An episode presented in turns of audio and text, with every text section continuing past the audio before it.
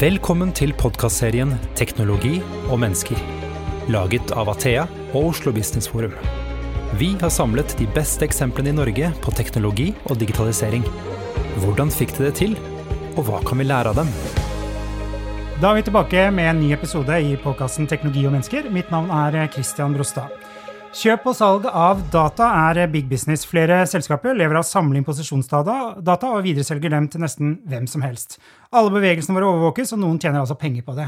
Er det greit? Skjønner forbrukerne hva de sier ja til, og hvor sikre kan vi være på at de ikke havner i feil hender?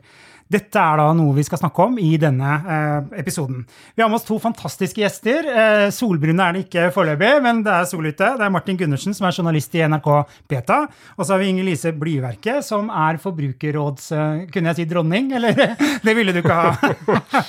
Nei, velkommen til dere. Takk skal du ha. Eh, Martin, jeg tror vi starter med deg. fordi eh, Dere i NRK har jo gravd skikkelig i eh, posisjonsdata og kommet med en fantastisk sak eh, som også er veldig bekymringsfull. Kunne ikke du sagt litt om hva, hva er det dere har gjort, og hva er det dere har funnet? Ja, så Vi leser jo hele tiden nyheter om at eh, data om oss er på avveie, data om oss finnes, noen får data om oss, og det er veldig abstrakt, for ingen vet hva det egentlig er. Så det vi lurte på, var er det mulig å kjøpe noen av disse dataene, og vi vet jo spesielt hvor vi er, er jo veldig inngående og sensitivt. Så sant, hvor jeg bor, er greit at noen vet, kanskje, men hvor jeg går i butikken, nei, det er greit, det òg. Og så kan det være at eh, jeg er steder eh, bare jeg vil eh, fortelle til mine venner. Det kan være sykehus, eller det kan være at man skal søke et gamlehjem. Og da begynner det å bli mer og mer ubehagelig. Og vi tenkte, hvis vi får tak i sånne data, hva, hva betyr det? Så vi spurte en rekke selskaper hei, har dere lyst til å selge oss data om uh, norske forbrukere. Og så sa vi vi vil gjerne at de skal være anonyme, uh, men på individnivå. Og da fikk vi tilbake at ja, ja, det kan vi fikse. så for 35 000 kroner så kjøpte vi data for 140 000 mobiler og nettbrett i Norge, hvor de hadde vært i perioder av 2019. Og disse dataene skulle vært anonymisert, eller var de det? Ja, eh, nå kan man jo eh, Det er jo mye juss i dette. Jussen vil si at det ikke er anonyme data. Eh, vi i dagligtale sier jo gjerne at eh, ja, det har jo ikke et navn eller en telefonnummer til seg, så da er det gjerne anonymt. Men eh, det er veldig enkelt, selv om det på ingen måte er et navn eller nummer, å finne ut at eh, din mobil har vært her, og da kan man gjette seg til at det er deg. fordi det skal ikke så mye til før vi blir unike, fordi vi har vaner. Vi har én jobb, vi har eh, gjerne et hjem. Og når vi har vært eh, på jobb og hjemme et par ganger, og så drar vi noen nye steder, så er det veldig lett å finne ut via sosiale medier, nyhetsartikler eller andre måter. Det er ingen andre mennesker som sannsynligvis kan ha dette reisemønsteret. Mm. Og så dro dere så langt at dere eh, identifiserte igjen, hva het han for noe? Carl Bjarne. Uh, og liksom bretta ut livet hans. Det var til og med en artikkel, tror jeg. Ja. Hvordan, uh, hva gjorde dere der? Og liksom bare samla datapunktene, og så Så vi, vi, fikk jo data om alle disse mobilene, og det er jo Du kan tenke deg et stort Excel-ark du ikke kan åpne. Så vi måtte ha spesialprogrammer for å kunne eh, kjøre filene. Og så tok vi og la det i et kartverktøy, sånn at vi kunne legge det ut. sånn at istedenfor det var masse rader og kolonner med tall, så ble det Eh, en enebolig en adresse i Oslo, eller det kunne vært en punkt på et sykehus. Og så kan man eh, fargelegge alle disse punktene eh, og kunne si at denne mobilen her, den skal den fargen. Og da kan du se på kartet hvor den mobilen har vært. Og det vi gjorde, var vel en blanding av å lete litt tilfeldig. Det var sånn vi fant Karl Bjarne. Bare la oss se på noen mobiler. Hvor har de vært? Hvem kan de være? Og så seinere så, så vi òg på eh, sykehus eh, og Forsvaret kan man si om det er folk som har vært i mer sensitive situasjoner, og allikevel så er det lett å finne dem. Mm. Inger-Lise, hva tenkte du når du når, Jeg vet ikke om NRK ringte deg, for du var jo eh, en del av dette rigget. Mm. Hva, hvilke tanker for gjennom ditt hode? Uh, Jeg tenkte endelig i betydningen eh, endelig så får vi hjelp til å illustrere og vise fram på en enkel måte det som en ganske så tung rapport da, fra Forbrukerrådet har vist. Nemlig at dette skjer gjennomgående og systematisk, og at det vi ofte ikke tenker på som såkalt sensitive personopplysninger, i praksis likevel, når de blir sammenstilt, kan identifisere oss. Og jeg syns det er så veldig bra med det eksempelet, fordi at uh, denne fyren, han lever et helt vanlig liv. Gjør helt vanlige ting. Han vil antageligvis, før dette skjedde han, ha svart slik som veldig mange gjør. Ja, men jeg har ikke noe å skjule. det er ikke så farlig, dette her. Men når han fikk vist fram hvordan eh, bare enkel bruk av mobiltelefon og hans helt vanlige gjøremål kan identifisere ham, og identifisere ham egentlig bedre enn han kan selv. For det sa han jo. Oi, dette hadde jeg glemt. Oi, gjorde jeg det? Ja, det gjorde jeg, ja. Ikke sant? Pluss at han også gjorde noe atypisk ved at han var på jakt etter en ny jobb, som kan være ganske sensitivt i noen sammenhenger, for eksempel. Så skapte jo det et stort ubehag hos han. Når du får det liksom svart på hvitt eh, illustrert, så skaper det et ubehag hos oss. Er det faktisk så enkelt? Og da er det nok enklere for folk å forstå at det er faktisk ganske farlig. Mm. Jeg kan plukke på det, fordi det som var litt fint med det eksempelet, var jo at vi hadde over 200 dager med hans bevegelser. Noen dager var det ikke så mange punkter vi kunne følge, andre dager veldig mange. Men det det viste òg, er at når du får vite eh, nok om noen, så finner du gjerne ting. Og vi kunne jo se at han var på jobbintervju, han fikk jobben. Eh, og vi kunne jo òg se at han hadde vært på sykehus. Så dere at han fikk jobben òg, på data? Eh, ja, ja. ja. vi, vi, så at han begynte å kjøre til ny jobb et par uker etterpå. Så vi var litt sånn, først var vi sånn Det er jo litt rart. Altså, fikk han jobben så kjapt? så viser jeg at ja, han hadde fått jobben jeg tror det var bare et par uker etterpå han var på intervju. og Eh, vi var jo ikke 100% sikre på at det var et jobbintervju, men vi var veldig sikre. Eh, og det er jo det man ofte snakker med personvern og data, at du, du, må ikke være 100% sikker. Det kan skade deg, eller det kan gå utover deg at noen er 50% 20% 10% sikker på at du har gjort noe. Og det kan jo være at eh, Si at han hadde anstrengt i forhold til arbeidsgiver, og de hadde fått en mistanke. Eh, så kunne jo det fått konsekvenser for han. Eh, og det vet vi jo i mange andre bransjer hvor det kanskje er litt eh, tøffere kår, og man gjerne er i en konflikt, så kan det eh, det at du har vært hos en arbeidsrettsadvokat eller du har vært på kontoret til Tekna, plutselig være en sånn Oi, hva driver du nå på med? Mm. Sånn at vi vet jo at dette kan få konsekvenser hvis det kommer på avveie. Og eh, hvis det blir misbrukt, så vil det få konsekvenser for den det gjelder. Mm. Og så er det den grunnleggende retten til privatliv, da. Som vi på mange måter har trodd at vi har. Altså vi som lever i et land som Norge i Vesten, vi har egentlig tatt det for gitt. Vi har ikke brukt mye tid og krefter tror jeg, i våre liv til å snakke om retten til privatliv. Vi har kanskje noen, noen, lest noen bøker og sett noen filmer, særlig fra DDR og Øst-Tyskland og den type til, I hvert fall jeg som er liksom i min alder og fikk med meg liksom når jernteppet gikk opp osv. Men retten til, til privatliv har vi egentlig bare tatt for gitt. Og så er det noen som har kommet og tatt fra oss den retten uten at vi har merket det. Og det har ikke skjedd sånn som i 1984 med George Orwell. At det kom en diktator og tok over makten og skapte et totalitært samfunn. Det har skjedd gjennom at vi har blitt tilbudt produkter og tjenester som vi syns er supre, effektive, fine, behagelige, morsomme. Vi har aktivt tatt valget på mange måter om å bruke tjenestene, og har ikke fått med oss den bieffekten eh, som ligger i at vi faktisk på mange områder har blitt fratatt retten til privatliv. Og det tror jeg faktisk er et ganske langt lerret å bleke å få opp den bevisstheten hos folk.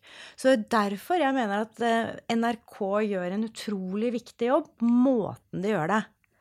Og så syns jeg det er veldig interessant noe av den reaksjonen. For det som Forbrukerrådet har vært opptatt av i det siste, og som på mange måter den eh, saken fra NRK bygger opp under, eller de bygger liksom på hverandre, det er jo at det fins en industri bak her.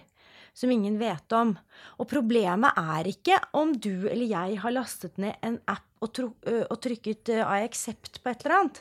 Poenget er jo at det fins en hel industri bak. Men det er fremdeles sånn at selv i Forsvaret eller blant politikere, når de blir konfrontert med eh, at også dette treffer norske politikere, norsk forsvar, så sier de ja, vi må bli flinkere til å skru av. Altså fremde, ja, men Det forteller noe om hvor, uh, hvor krevende det er for oss å forstå en bransje som vi ikke ser. En bransje som ikke har noen navn og ansikter, uh, og som uh, drives så hyperteknologisk, egentlig, at de færreste av oss faktisk kan forstå hvordan disse dataene samles sammen og spres og kjøpes og selges og brukes eh, og treffer oss tilbake igjen. Det er veldig veldig vanskelig å forstå. Ja, for du er litt inne på at Dere hadde en rapport i januar som heter Art of Control, hvor dere slo fast at en, en rekke apper sendte data til jeg tror én sendte over 70 selskaper, fikk data fra appen.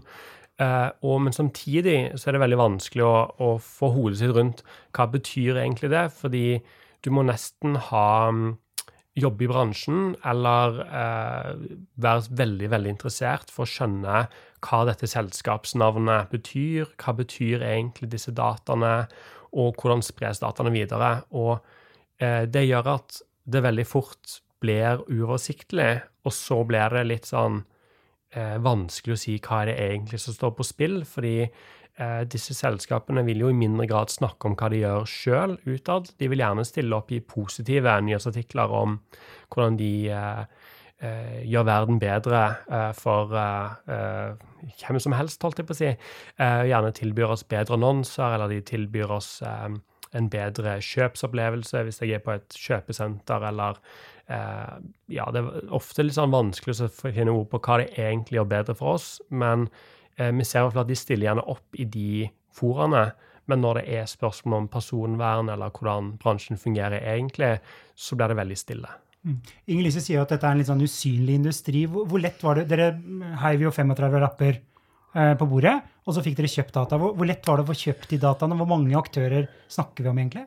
Ja, vi tok kontakt med over 25 aktører. Eh, de fant med veldig forskjellige metoder, men det er jo å google etter selskaper som driver med dette, og følge ulike fora. Eh, jeg kan ikke gå så mye inn på akkurat resten av bransjen, fordi vi har ikke skrevet nok om det til at man kan, kan vi kan slå noe fast som vi står inne for. Men det jeg kan si, er jo at du finner gjerne nettsidene til selskapene og hva de gjør, og så finner du noen pressemeldinger, men du finner ikke nødvendigvis så mye mer. Og du får ikke nødvendigvis så mye mer hjelp til å forstå uh, hva, hva, det betyr på, på hjemmesidene. Mm. Sånn at uh, man kan gjerne skrape i overflaten, men det å komme på innsiden og se uh, hvor mye data som sendes til hvem, og hvordan de dataene deles, det har jeg sett forskjellige mm, rapporter og journalister prøve å beskrive. Men man kommer gjerne til kort, eller man har, som i vårt tilfelle, en veldig liten lommelykt som bare lyser på et veldig lite sted. Sånn at eh, du klarer ikke å gi et helt bilde fordi det er så komplisert å forklare. Det er skummelt. Jeg tenker det er faktisk ganske skummelt. fordi at det vi ikke ser, det tror vi ofte ikke på. Sånn er mm. vi mennesker lagd. Og, det, og sånn er også myndighetene lagd, for å si det sånn. For myndigheter er egentlig mennesker, de også. Uh, og vi har jo vist i den rapporten vår som veldig talende heter Out of Control. For dette er personopplysningene våre som blir spredd helt ut av kontroll. Det er ikke mulig at noen kan si at de har kontroll på det. Når vi ser at data fra én person til én app potensielt kan bli spredd til over 4000 partnere, så er det helt umulig å, å, kunne spore og vite hvor alle disse opplysningene faktisk blir av. Vi har jo, vi har jo gjort en sporingsjobb på bakgrunn av noen apper og noen dataer der, og så har, har, nettopp klart å lage en sånn kjede et godt stykke på vei. Men det er helt umulig å forstå, og veldig mange av de selskapene er det ingen som, som noen gang kommer til å for så vidt se frontfiguren til. Vil aldri stille opp i denne type eh, podkaster eller til debatt.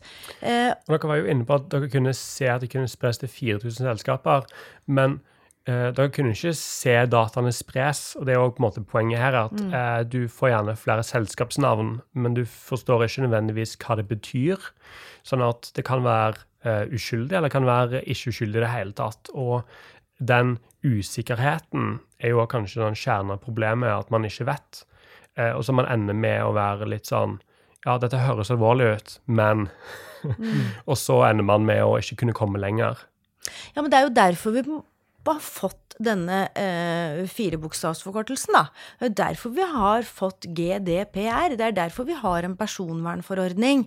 Fordi det er egentlig noen fremsynte eh, politikere og myndighetsorganer i Europa som har sagt at personvernet vårt er for verdifullt til at vi, den hver og en av oss, skal kunne klare å håndtere dette. Så det er laget et veldig strengt regelverk nettopp fordi vi skal slippe å forstå egentlig alt det. Men samtidig så er det jo veldig umodent og uprøvd. Og det er jo kanskje det som man kommer Absolutt. opp til, er at dere mener jo at eh, en del av dette er ulovlig. Eh, men hvis du snakker med jurister eller folk i bransjen, så vil de si at eh, de i bransjen vil si at de opererer i henhold til regelverket. og si, mer nøytrale jurister vil si at uh, her er det tvil. Noen vil lande på at det sannsynligvis er ulovlig. Andre vil si det er vanskelig å vite. Og jeg tenker det òg er nøkkelen at man har fått nye verktøy, men de har jo ikke blitt prøvd ut. Og det er jo ikke slått i stein eh, akkurat eh, nei, nei. grensene for det. Der er vi jo helt enige, og det er jo derfor vi har laget klager også, for å pushe fram både nasjonalt og internasjonalt eh, håndheving av det regelverket. Men, men jeg syns det likevel er reelt å snakke om formålet bak GDPR, mm. som nettopp er å beskytte noe av det som er vanskeligst å beskytte innenfor eh, den digitale utviklingen som vi nå ser, nemlig personvernet vårt, fordi persondata blir en handelsvare. Og det er jo i det er jo veldig nytt. Det er jo veldig, veldig nytt hvis man ser det i et litt lengre perspektiv enn to år tilbake. Så det at man kjøper og selger data på den måten, det er vi jo ikke vant til. Og det er på den bakgrunnen jeg mener at forordningen er jo klokkeklar sånn sett, og hva den er ment å beskytte. Og så er jo jeg enig med deg i at vi har dessverre forsvinnende lite håndheving av eh, den forordningen, altså det personvernlovgivningen. Eh, jeg tror vel det skal mye til at ganske mye av det som skjer der, eh, ikke er i strid med forordningen. Det klarer jeg nesten ikke å se, så lenge som det står så tydelig at du skal gi et eh, informert og uttrykkelig samtykke til spredning av personopplysninger. Og du kan jo faktisk ikke gjøre det når, du, når det viser seg at det er en kjede av aktører bakover, og du ikke har noen mulighet til å vite hvor i det systemet den personopplysningen går. Der er dere uenige med f.eks. Eh, markedsføringsforeningen, eh, når tenker på den europeiske delen i AB, og de mener jo at eh, her kan vi alle stole på at noen har gitt et samtykke til et selskap, og så gir vi det videre. Og det er jo litt kanskje det som er kjernen av problemet her, er at eh, noen mener det er godt nok å ha en kontrakt som sier eh, du har signert kontrakten som sier at dette må være lovlig. Da er det lovlig. Du kan ikke ta oss på det. Og så står dere i andre enden og sier greit at jeg har signert en kontrakt på det, men er det faktisk eh, lovlig? Er det faktisk synlig for forbrukere? Ja, men det er faktisk litt mer komplisert enn det, syns jeg. For så enkelt kan man ikke gjøre det for seg selv, som selv om den foreningen selvfølgelig har sterke interesser å, å påstå det. Fordi det kommer veldig tydelig fram i vår rapport at man faktisk sier hei, kjære venn. Du har eh, gitt oss eh, tillatelse til å, å, håndtere dine personopplysninger. Men du, du er faktisk nødt til å gå videre til vår, partner, vår partnerside. Fordi vi har en god del partner som vi deler opplysninger med. Eh, og det kan hende at de har helt andre rettigheter og vilkår enn det vi har. Så du må faktisk gjøre det. Og hvis du går til bare velger ut én av de partnerne, så vil de si akkurat det samme.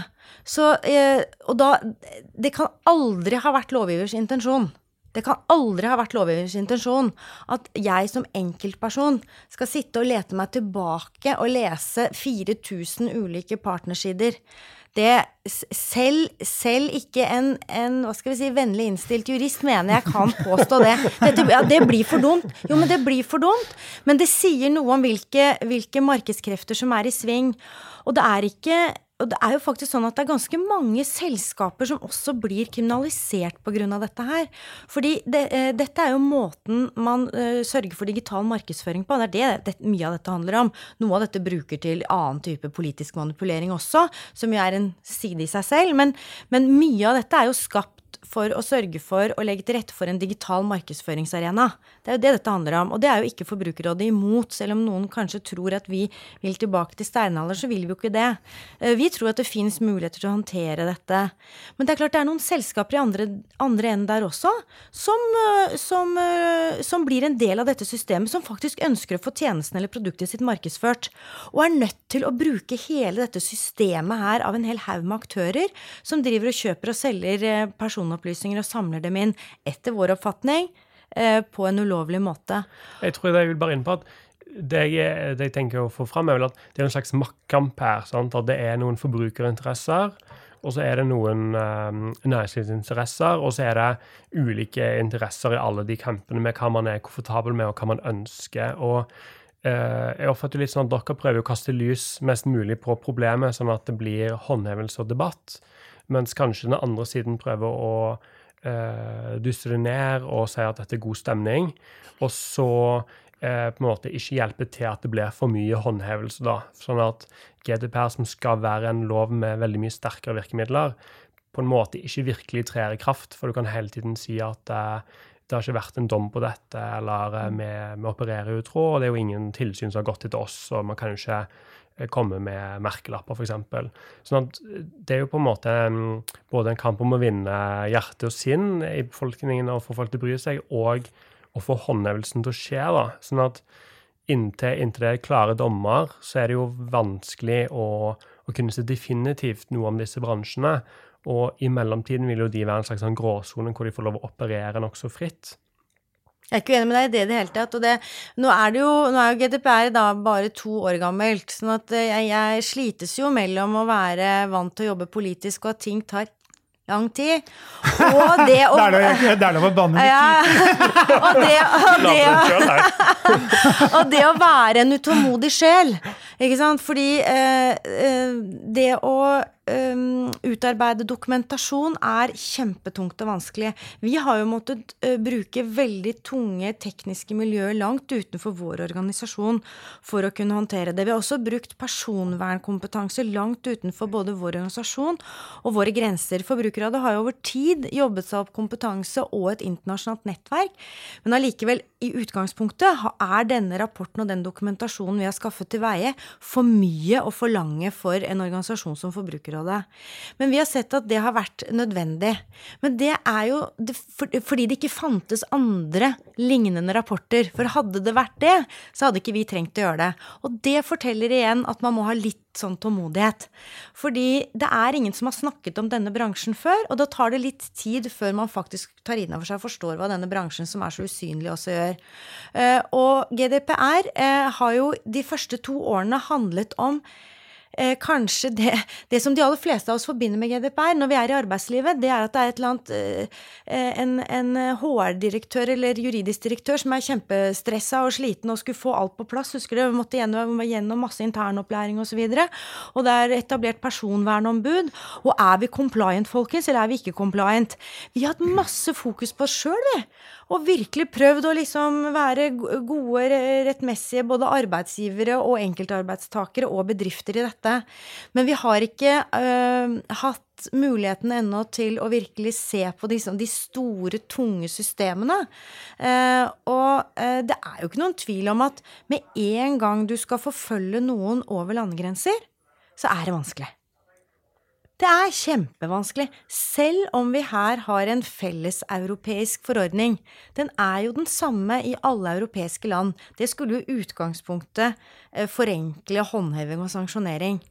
Men systemet er allikevel bygget opp sånn at du har nasjonale systemer for hvordan det skal håndteres. Altså, er det et datatilsyn der? Hva slags type datatilsyn? Hva slags hjemler har det datatilsynet? Hvordan er samspillet med andre deler av rettsapparatet? Hva skal til i det landet for å få en klage rett og slett til behandlingsbordet. Eh, er det noe annet her enn der? Ja, det er det vitterlig. Så det er jo en masse masse eh, problemstillinger som gjør at det blir trafikkork, og at, det, at, at, at dette går dårlig, da. Som, som, det går an å løse opp i når vi bare får trent oss. Og så er det den politiske harde kampen. Veldig mange selskaper er i Irland. Sakene ender der. irske Datatilsynet er ikke godt nok rustet til det. Det kan det være sterke politiske interesser av i det landet å sørge for at det irske Datatilsynet aldri blir kapabel til faktisk å ta disse sakene. For Du er inne på noe veldig viktig der. fordi Før GDPR kom, for to år siden, så var det sånn at når Norsk Datatilsyn skulle følge opp et selskap ut forbi Norge, så kunne de ikke gjøre det. Eh, sånn at veldig mange selskaper de hadde ikke forretningskontor i Norge eller i Europa. Og da kunne de si at reglene gjelder ikke for oss. Eh, og nå er det jo sånn at eh, de kan forfølges av et datatilsyn. Hvis de har hovedkontor i Irland, som mange har, så er jo det overarbeida, og noen vil si underfinansiert, og noen vil si at de er mer defensive enn si, det tyske, franske datatilsynet, f.eks. Eh, der har vi sett eh, opptøyer, litt sånn kan si, knuffing da, internt, hvor man har lekka at man er sure. Eh, noe som er veldig uvanlig i sånn datatilsynmiljøet. Veldig høflig. ja, det, hverandre, ja. Det er veldig, veldig uvanlig, sånn min erfaring, å se ulike datatilsyn skyte på hverandre. Mm. Og man har sett trusler om at man har trua med å ta fra IRS-datatilsyn noen av det å kunne følge opp enkeltsaker. Eh, og det handler jo om at når man har satt veldig mange av disse i Irland, så har det ikke blitt fulgt opp, eller det har gått veldig veldig, veldig tregt. Men man ser jo også samtidig at norsk datatilsyn f.eks. nå kan følge opp en del selskaper som er USA-baserte. Og det kunne de aldri gjort for to eller tre år siden. Mm. Sånn at man ser jo en sånn fremgang der. Og man ser jo at eh, det har hatt en effekt allerede, i den forstand at hvis du får en sak mot deg som du må følge opp, så er det potensielle bøter, men òg det er kanskje viktigst at selskapene må endre seg eh, hvis de ikke skal få videre sanksjoner. Sånn at man ser på en måte da en eh, endra atferd allerede. Det er en bevegelse på gang. Altså, for jeg, jeg syns det var ganske interessant det som skjedde da vi i Forbrukerrådet lanserte den rapporten vår da, of Control i januar. Um, da var det jo altså sånn at vi internasjonalt så solgte vi eh, den til New York Times. For de har jobba mye med den type spørsmål, og de fikk, når de fikk den tidlig, og de kjørte audit, så de var veldig nøye på, på hva de skulle levere. Eh, og de tok saken og lagde mye ut av den. Massivt mye, syns jeg. jeg var veldig imponert. Og så ringer altså Washington Post og er dritsur på Forbrukerrådet fordi at hvorfor fikk New York Times den og ikke de eksklusivt? Eh, I Norge så var det NRK Beta syntes dette var interessant, og dermed NRK, ikke sant, som har allerede jobbet mye med disse spørsmålene og har en kompetanse. Det er jo helt åpenbart, det hører vi jo her nå. Eh, og, ellers, ja, og ellers har det jo vært mye, mye stillere. Mm. Mye, mye stillere. Eh, rapporten vår ble referert i 70 land i løpet av en uke, 14 dager. Ble brukt inn i den amerikanske kongressen mye stillere i Norge. Mye vanskeligere å få norske politikere på, på glid. Lurer på om jeg skal utfordre litt på det. Har du tenkt noe hvorfor det? Ja, tenkt masse på det. det men det har kanskje du òg, høres sånn ut. men jeg, jeg, tror det er mange årsaker til det. Eh, det ene er rett og slett at i Norge så er vi veldig opptatt av eh, det tillitsbaserte. Vi, er, eh, vi, vi lever i en, i en forståelsesramme da, om at uh, folk og fe og bedrifter og alle stort sett er greie med hverandre. Uh, at det er viktig å stole på hverandre. Uh, og så har vi i tillegg heller ikke veldig mange store og tunge, kanskje, tech-miljøer på det, det, nivået. Det har vært, Foreløpig har det vært mulig å nettopp kunne peke på de store gigantene som er liksom utenfor hos oss. og dermed så har det heller ikke, sånn som jeg ser det, i hvert fall blitt bygget opp en slags eh, politisk og faglig beredskap da, for å kunne liksom lett fange saken og skjønne hva skal vi si, hva kan være den politiske gevinsten i det. I tillegg så er det litt vanskelig å se den politiske, i hvert fall kortsiktige gevinsten, i og med at det er såpass krevende, tungrodde internasjonale prosesser som er avgjørende. Men jeg tror kanskje at du har noen andre forklaringsgrunner også, som kanskje handler litt om hvordan vi som Forbrukerrådet f.eks. For kan, kan jobbe for å liksom øke trykket, da.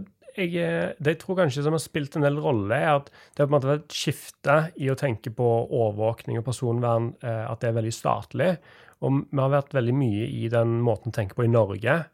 Eh, og at det er liksom den, å tenke på personvern som noe du har privat, og det er kommersielle selskaper som kanskje gjør deg urett, det har vi sett mindre av. Både liksom akademisk, eh, mindre interesse å snakke om det eh, i ulike miljøer. Det er ikke så mange journalister som dekker det til vanlig. Sånn at vi er liksom ikke helt på den, egentlig, min oppfattelse. At eh, det er en sånn ting som kanskje vi vil se mer av etter hvert. Mens hvor man har, litt som du er inne på, i USA så har du veldig mye oftere at du navngir selskaper, og du har veldig dårlig regelverk, men du har mye grovere eh, uretter som er gjort. da, Og da får du på en måte folk som blir sinte. Eh, sånn at jeg tror kanskje vi begynner å komme litt mer mot der at det kommer mer saker og diskusjon om det, men at det til nå har vært veldig sånn eh, et tema man ikke har snakket så mye om, rett og slett. Nei, og det er ikke så lett å se hvordan du skal ø, gå i verktøykassa di da, som politiker, hvis vi ønsker politisk oppmerksomhet. Det, og det tenker jeg er, det, det er viktig. Er, altså, politikere har egentlig to, to verktøy, de. De kan bevilge penger. Noen politikere kan det. Kan bevilge penger, Særlig når du sitter på Stortinget, f.eks., så kan du det. Eh, og så kan du gi lover. Og så sier vi ja, men det er ikke noe gærent med lovene. Vi sier jo det. Vi, sier, vi mener jo at GDPR i utgangspunktet så tror vi at veldig mye av dette vi nå diskuterer, rammes av personvernlovgivningen som også Norge er bundet av. Vi tror det, inntil det på en motsatte er bevist. For da må vi eventuelt si at ja, men da må du endre lovene. Mm. Men foreløpig så mener jo vi at lovverket er godt. Det er bare at vi har ikke fått håndhevet det ennå. De klarer ikke å sanksjonere det. Eh, sånn at da har ikke politikere like mange verktøy i verktøykassa si, og som også gjør det kanskje vanskeligere å, å ta tak i en sak og, og, gjøre den til sin, da. Mm. Eh, og, men jeg er jo den oppfatningen av at uh, det er liksom drypp, drypp, drypp, drypp, drypp På et eller annet tidspunkt så skjer det en bevegelse. På et eller annet tidspunkt så detter liksom mynten ned. På et eller annet tidspunkt så han blir sånn forklarelsens mm. lys kommer over oss. Og jeg tror det blir en, en helt annen, et helt annet trøkk, altså. Mm. Er det ikke litt sånn grått hav vi er i? Dere sier jo at uh, det gjeldende lovverket Det er åpenbart lovlig å selge disse dataene? Nei, om, det, det er ikke nødvendigvis. Nei, eh, Nei, det er ulovlig etter Forbrukerrådets klare oppfatning. Ja, men det er jo Ja, det er jo mye ulovlig som skjer her i verden. Eh, nei, ja, men det er jo nettopp det som er utgangspunktet. De holder på fordi dette er et så nytt område. Mm. Det er ikke Det har us, vært usynlig. Det er så vanskelig å se at eh, en, det at jeg laster ned en app i seg selv, som er en helt lovlig ting å gjøre, og at noen har uh, gitt meg den muligheten til å gjøre det, som også er en lovlig ting å gjøre, at i det har det utviklet seg en hel industri. Mm. Og, det, og, den enkeltverdien for den, det enkeltpunktet av informasjon som kommer fra meg akkurat nå, den er jo ikke verdt noen ting. Det er jo bare det ekstreme kollektivet av all, av all, denne personopplysningen som man kan generere forretningsmodeller på. Og det som jeg sier, det er jo i menneskehetens historie veldig, veldig nytt.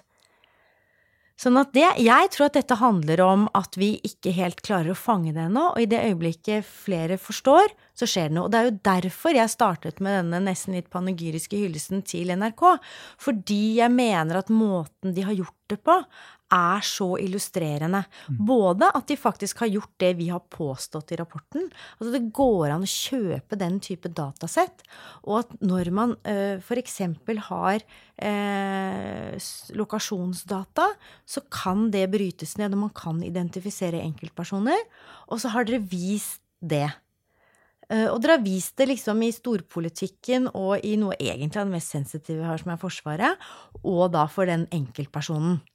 Men det at man faktisk har vist hva som skjer med folk i Forsvaret, så ble det jo foreløpig bare en tre dagers liten runde på det. Den har jo foreløpig landa pent og pyntelig. Det, ikke, det, er ikke norske journalister har liksom ikke rusha av sted og uh, kjørt Ine e-, e-, Eriksen Søreide opp uh, på en knagg, eller forsvarssjefen opp på en knagg, eller Har ikke merka noe, jeg. Men er det fordi at vi egentlig ikke bryr oss? Altså, Forbrukerrådet har jo forska litt eh, på at folk leser jo ikke eh, noen ting. Eh, de bare aksepterer, og som du også sa innledningsvis, da, at det vi trenger, er deilige tjenester som løser et problem. Mm. Og da vi stoler på alt. Mm.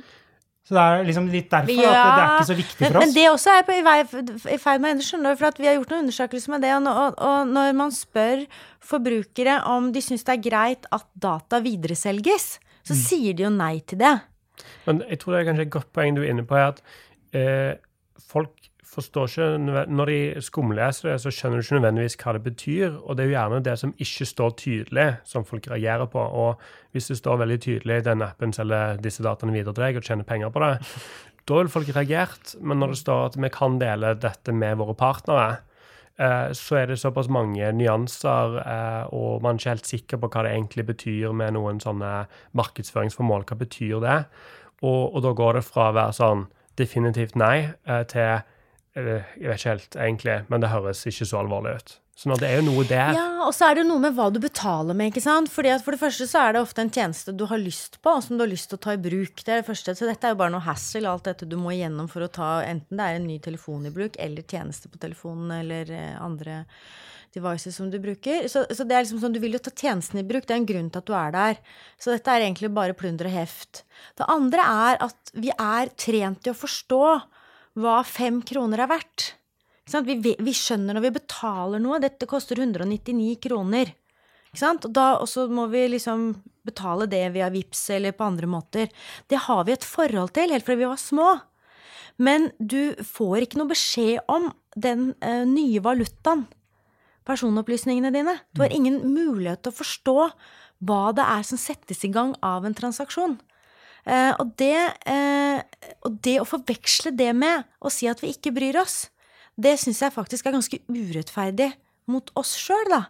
Fordi dette er en, en, en helt ny verden uh, for oss.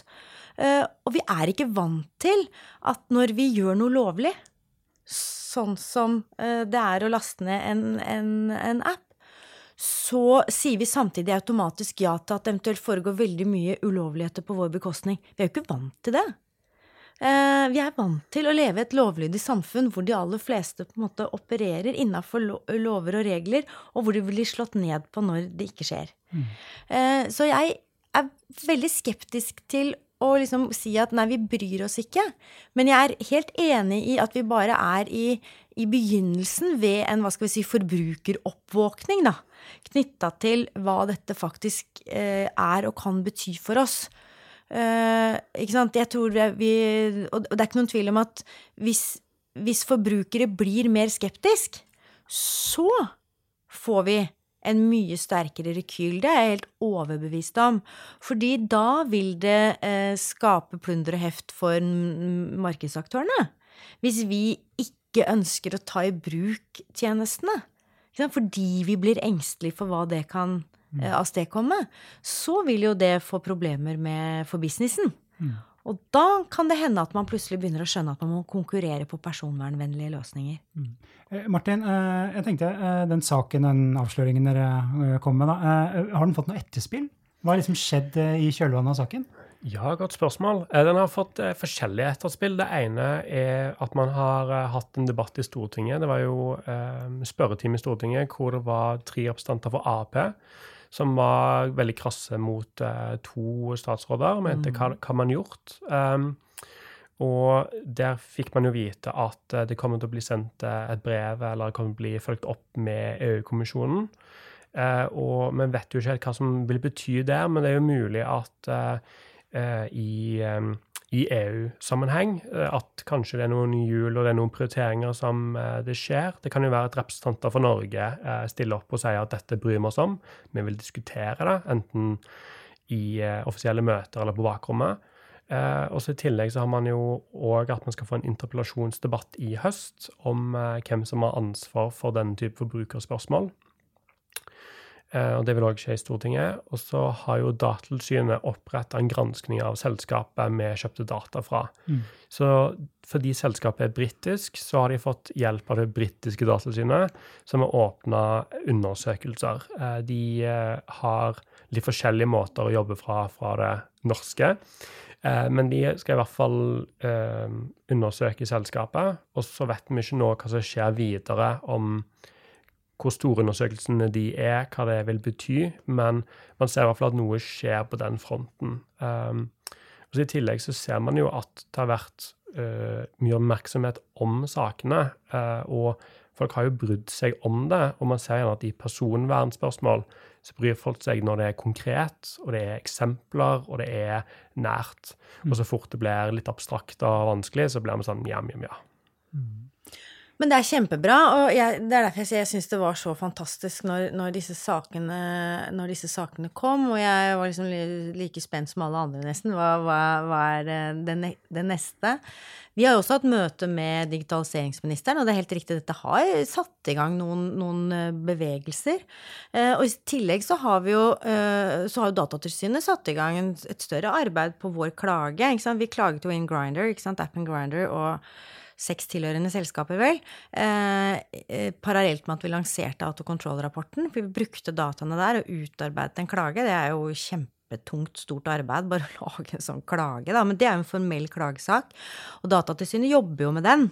Eh, så der eh, mm. kan det også hende at det faktisk kommer noe, da, som, hvor, vi kan, eh, hvor, vi kan, få en avklaring på hva som anses å være i strid med GDPR, da.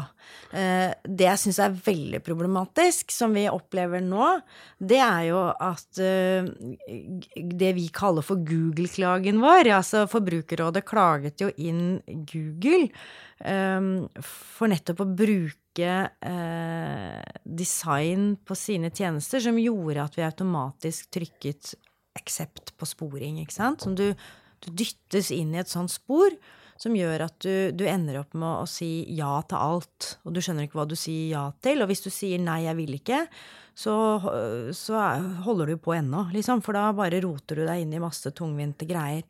Og den den klagen, den, den ligger jo nå i Irland. Og der, det oppleves som faktisk ganske krevende, fordi at det irske, liksom, rettssystemet har, har, egentlig tenkt å gå etter eh, forbrukerorganisasjonene. For det at vi faktisk har klaget noen inn. Altså, det begynner å bli litt sånn Ja, det, ja sånn at det begynner å bli det, og det viser at det er ganske Det er store krefter i, i spill. Det, for meg så bare under... arbeidsplasser. Ja, så bare understreker for meg at vi gjør noe riktig, da. Eh, vi gjør noe riktig. For at hvis ikke dette var så farlig, så hadde man håndtert dette på en helt annen måte. Så for meg så gir det bare mer brensel, egentlig. Altså jeg blir bare mer eh, ivrig etter å, å, å, stå i det, og tåle å stå i det over lang tid. Eh, og også tåle at det egentlig ikke skjer så mye. For plutselig på et eller annet tidspunkt så skjer det mer. Det er jeg helt overbevist om, for dette er så grunnleggende, og det, kan, det misbrukes jo i dag. Vi vet jo om at det har blitt misbrukt data i brexit. Vi vet at det har blitt misbrukt eh, data i forbindelse med det amerikanske valget. Vi, vi vet jo dette. Også som forbrukere så har vi jo fått med oss de nyhetene. Vi bare syns det er litt krevende å skulle måtte forholde oss til det eh, når vi ønsker de tjenestene som ligger rett foran oss da, i, mm. på, på mobil, Du er jo inne på noe som er litt viktig, at disse tingene henger jo veldig tett sammen. sånn at eh, vår, vår sak handler jo om et bakselskap som får dataene. Og, vi opptrådte da sjøl som et bakselskap, eh, som på en måte var en kunde igjen. sånn at, eh, og det sier at vi var på en måte i helt andre enden, mens Forbrukerrådet i eh, Alpha Control, var med appene. Og det man, det man ser, er jo at det og den Google-klagen alle handler om litt sånn forskjellige deler av et puslespill eh, hvor eh, noen vil påstå at noe er helt åpenbart ulovlig, andre vil si at dette er tvil, og noen vil si at dette er helt lovlig. Eh, og når på en måte de blir debattert mer og mer, så ser man òg sammenhengene, fordi alle har noe til felles. Og man ser jo dette med I Google-klagen så var det at du måtte trykke mer. For å slippe å dele data. Eh, og at man brukte verdilada språk, sånn at du var en kompis hvis du trykte ja, og så var du litt sånn kjip fyr hvis du trykte nei. Mm. Eh, og at eh, man ser jo på de sakene som har vært for EU-domstolen og de som går gjennom ulike datasyn, de handler om er det lov å gjøre akkurat denne tingen, eller er det ikke lov å gjøre denne tingen. Og inntil det kommer en dom, så er det ikke helt sikkert at det er lov eller ikke. Og da kan selskapet operere og gjøre det videre. Så det er liksom et, måte, et spill om å flytte noen av disse brikkene fram, eh, i hvert fall for dere. Sånn at eh, mer av de praksisene som gjør at eh, avtalevilkår er utydelige, eller at du deler mer data enn du er klar over, blir ulovlig, eller at man definitivt kan si at dette er ulovlig, sånn at neste gang en ny sånn sak kommer opp, så er det mer en automatisk behandling og ikke en eh, lang drøftelse hvor man må på en måte snakke og bli enige og etterforske nøye. Ja, vi starta på scratch her, ikke sant. Og det, jeg tenker at det er det, derfor det også tar tid. Og det er viktig for meg å si at det er jo ikke egentlig appene vi er ute etter heller. Vi bruker også bare appene for å anskueliggjøre hvordan dette faktisk foregår i et stort system. Men det jeg syns er interessant, og som jeg har liksom reflektert litt over når det gjelder en del av de appene som vi har undersøkt i vår rapport, det er jo at sånn rent psykologisk, ikke sant, så, så er noen av dem særlig litt sånn de er nesten som den utvida dagboken vår, på en måte. Det er, en sånn, det er, det er noe sånn privat over dem. For eksempel eh, syklusapper. Som veldig mange kvinner bruker for å holde rede på menstruasjonen sin, og også for å kunne planlegge graviditet. Eh, det er jo egentlig noe vi har gjort i alle tider, ikke sant? men vi har bare notert i en notisbok. Nå bruker vi eh, et sånn type hjelpemiddel, men det er ganske privat, og, det, og vi har ikke noen opplevelse av at vi deler sensitive opplysninger. Denne sminkeappen som vi har undersøkt, som barn og ungdom bruker, som eh, tapper mapper lokasjonsdata. Du trenger ikke de lokasjonsdataene for å levere en sminkeapp. Det er helt, ikke sant, Ruter-appen må jo ha lokasjonsdata, i hvert fall hvis de skal gi meg den hjelpen i sanntid, og hvor jeg skal nærmeste bussholdeplass og sånn. Men det å, å levere den sminkeappen Perfect 365 trenger ikke lokasjonsdata for det. Eh, og du tror på en måte ikke, når du lar eh, dattera di holde på med det, eh, at hun samtidig spores big time uansett hvor hun er, også også når hun ikke bruker den appen. Eh, ikke sant? Sånn at det er noe med de enkle tjenestene i forbrukerenden eh, som eh, du tror fordi du har med deg eh, mobilen din overalt, og du har så mye der, og hvor mye av det faktisk er ganske personlig. Mm. At du har ikke den forståelsen eller tanken om at du mater et helt system med eh, data om deg sjøl. Mm. Vi må snart gå inn for landing her. Eh, dette går jo virkelig unna. Kose meg. Eh, Martin, eh, er du optimistisk for fremtiden? Får vi fiksa disse problemene, tror du? Jeg tror vi har en lang vei foran oss. Fordi at på en måte så blir dette bare viktigere og viktigere, og større og større konsekvenser. Sånn at det som nå er litt sånn trivielle eksempler, kanskje, vil bli mindre trivielle i årene som kommer. og vi legger igjen mer data eh, hvert nye år. Eh, sånn at det er ikke sånn at eh, det neste eh, Facebook eller neste Google vil være et selskap som sannsynligvis samler mindre data med oss. Og vi kommer jo sannsynligvis til å måtte forholde oss til mer ansiktsgjenkjenning og andre teknologier som mm. er enda mer inngående. sånn at dette er jo bare på en måte startgropa. Mm. Hva med deg, Inger-Lise? Er du jeg er grunnleggende optimist, fordi ellers så tror jeg kanskje ikke at jeg hadde hatt den jobben jeg hadde hatt. Altså, ikke sant? Jeg tror jo på ja, Nei, jeg tror jo på verdien av eh, det kollektive, at man får reist en del problemstillinger, at det fins pressgrupper som, som, dytter politikere og myndigheter i en eller annen retning, og som kan spille på lag noen ganger også med media. Så jeg har jo sånn grunnleggende tro på det, men jeg sier samtidig at eh, vi må ikke miste motet. Fordi at dette kommer til å ta tid, og det vil komme nye utfordringer. Men vi skal nå leve i denne digitale verden, da. Eh, det skal vi jo. Eh, sånn at vi må jo bare rett og slett prøve å ruste oss for det. Eh, og rett og slett trene opp muskulatur som vi ikke har hatt eller brukt tidligere. Og, og lære oss opp til å forstå ting vi ikke trengte å forstå for 10-15 år siden. Dette må vi, vi må også være litt rause med oss sjøl, tenker jeg. Litt som enkeltpersoner, men også som samfunn. At vi, skal, vi er nå inne i en, en utvikling hvor, hvor ting skjer, og hvor man omsetter på nye måter, og man leverer tjenester på helt nytt vis. Og at vi ikke da helt har klart, som du sier, å få armene rundt den problematikken, det, det syns jeg er helt naturlig. Eh, men jeg har, jeg har, tro på at vi kommer til å, å f.eks. da eh, få eh, klare eh, kjennelser knyttet til GDPR som forteller hvor i hvert fall noen eh, steiner skal slås ned. Det er jeg helt, helt overbevist om at vi får. Mm. Eh, og jeg tror jeg, jeg, tror det vil bli umulig for EU å leve med at de vedtar eh, et så sterkt vern som det de har gjort med GDPR, og ikke ser håndheving av det. Det vil være veldig flaut på verdensbasis. Spesielt når de har dytta det så mye fram. Eh, og så hvis du skulle stoppe opp etter tre år, eh, så ville jo det være å si at stormakten jo ikke spillet eh, globalt. Så det, det er jo noen ansikter som eh, vil mistes hvis det så skjer. Flott, da skal vi over på vår faste spalte. Digitale vaner. Bli kjent med gjestene ved å snoke deres digitale liv. Hva gjør de egentlig på nettet? Hvilke favorittapper har de? Er det streaming eller linær-TV som gjelder? TikTok eller Snapchat? Vi spør i Teknologi og mennesker. Da skal vi faktisk snoke litt i deres eh, digitale liv. Eh, håper dere er klare til det. Eh, Nei. Nei. Greia er at dere får to alternativer, og så skal dere velge et av de alternativene. Og så er det ikke lov til å finne på et tredje alternativ. Det er ulovlig, da. Det er eh, innenfor GDPR. Nei da. Uh, ok, skal vi starte med deg, Martin? Uh, dette er ganske ufarlig, altså. Uh, Instagram eller TikTok? TikTok. TikTok? Insta. Instagram? Ja. ja. har du eh, beveget deg inn på TikTok? Eh, Eh, nei. nei. Ja, det er unge. Bare ufrivillig. Ja, det det de unge. Bare ufri... Ja, men jeg er jo dødsgammal. Jeg er jo dødsgammal, så det skulle bare mangle. Du vet at òg eldre brukere er veldig populære. Ja, ja. og da blir det sikkert upopulært blant de som det egentlig var ment for. Det vokser jo raskt, det Det var veldig, veldig, veldig raskt. Nå er jo stadig flere norske influensere på, og jeg mener det er nå man bør begynne. Eh, For hvis man skal bygge karriere på en plattform, så er det helt i startgropa. Ok. Godt tips til deg, Lise. Eh, Neste. Emoji eller tekst? Eh, tekst. Overraskende for meg som gammel norsklærer å si at det blir stadig mer emojis. Ja, eh, men du spriter litt opp, da.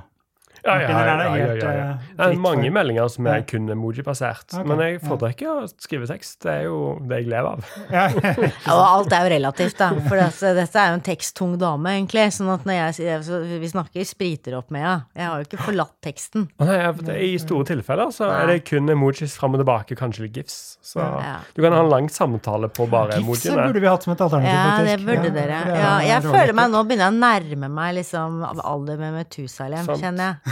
For jeg føler jo Du må ikke snakke deg ned nå, Liksom. Skal vi gå på 3D? Hjemmekontor eller kontoret på jobben? Hjemmekontor. Mm. Ja.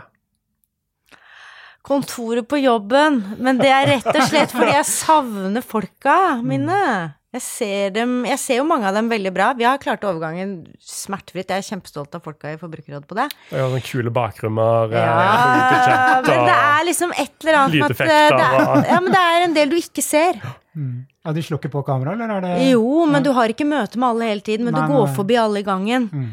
Du har større muligheter, i hvert fall hvis du, der du Med de du jobber sammen fysisk, Mm. så har du muligheter til veldig mye utveksling som ikke er knyttet til invitasjon til et møte eller en eller annen type arbeidsoppgave. Mm. Den savner jeg. Så det er bare det, egentlig. Ja, Det blir spennende å se hva den nye normalen blir med, med hjemmekontor. Eh, ringe eller sende meldinger? Eh, Ringe. Jeg har blitt eh, frelst den siste tiden av å ringe. Ja. Det har vi to, faktisk. Ja. Mm, hater å ringe. Hater å ringe. Ja. Så da velger du meldinger. Ja. Ja, men altså, jeg mener sånn, Du får jo på en måte svar på en SMS, men Ja. hvis du ringer, så får man liksom godpraten og bare litt sånn på en måte møtesgangen, da. TikTok. Nå har du masse oppdrag her, Lise. Eh, nest siste, lineær-TV eller streaming? Streaming. Det, er, det er vanskelig å velge igjen. Det, Syns du det er vanskelig å velge i 2020? jeg ser masse på lineær-TV. Nei, gjør du det? Ja, og vet du hva? Jeg tenker, jeg tenker Akkurat som du sier, det er så morsomt, så akkurat som du sier Nei, mer og mer ringe. Og så alle sånn der Ja, nå er det det nye, liksom. Da sier jeg det. Lineær-TV kommer til å bli det nye. Du bare mer og mer lineært. Jeg, eh, bare se. Ja. Følg meg. Men Martin, har du noen favorittserie eller eh, program du ser nå? Uh, nei. Nei. Enkelt og greit. Jeg trenger ikke å spørre. Ja, men jeg ser altså, det, Jeg sier Må jeg velge, sa jeg. Ja, For det var er så- jo oppgaven. Jo, jo, men jeg sa, jo poenget mitt er jo at jeg også ser uh, strømma ting, selvfølgelig. Mm. Poenget mitt var at jeg har et balansert liv. Kal kalifat holder jeg på med nå. Ok, denne her eh, er enkel, så den må vi ikke diskutere. Det siste. Radio eller podkast? Podkast. Radio! I just love this. Eh, nå er det jo mye fake i podkast, men radioprogrammet blir podkast. Så eh, ja. Det er mye bra der ute. Jeg oppdaget en ny podkast her om dagen. Eh, dansken, svensken og nordmannen. Lurer på om det er NRK-produksjon. Sier du det? Ja, Grisebra. Så det er det Nei, ikke se på meg. Nei, ikke se på deg! Veldig bra. Eh, Martin og Inger-Lise, tusen takk for at dere kunne være med, og tusen takk til deg som har lyttet på. Du har nå lyttet til Teknologi og mennesker, laget av Athea og Oslo Business Forum. Liker du podkasten, setter vi stor pris på om du gir oss noen stjerner. Og tips gjerne en venn om podkasten.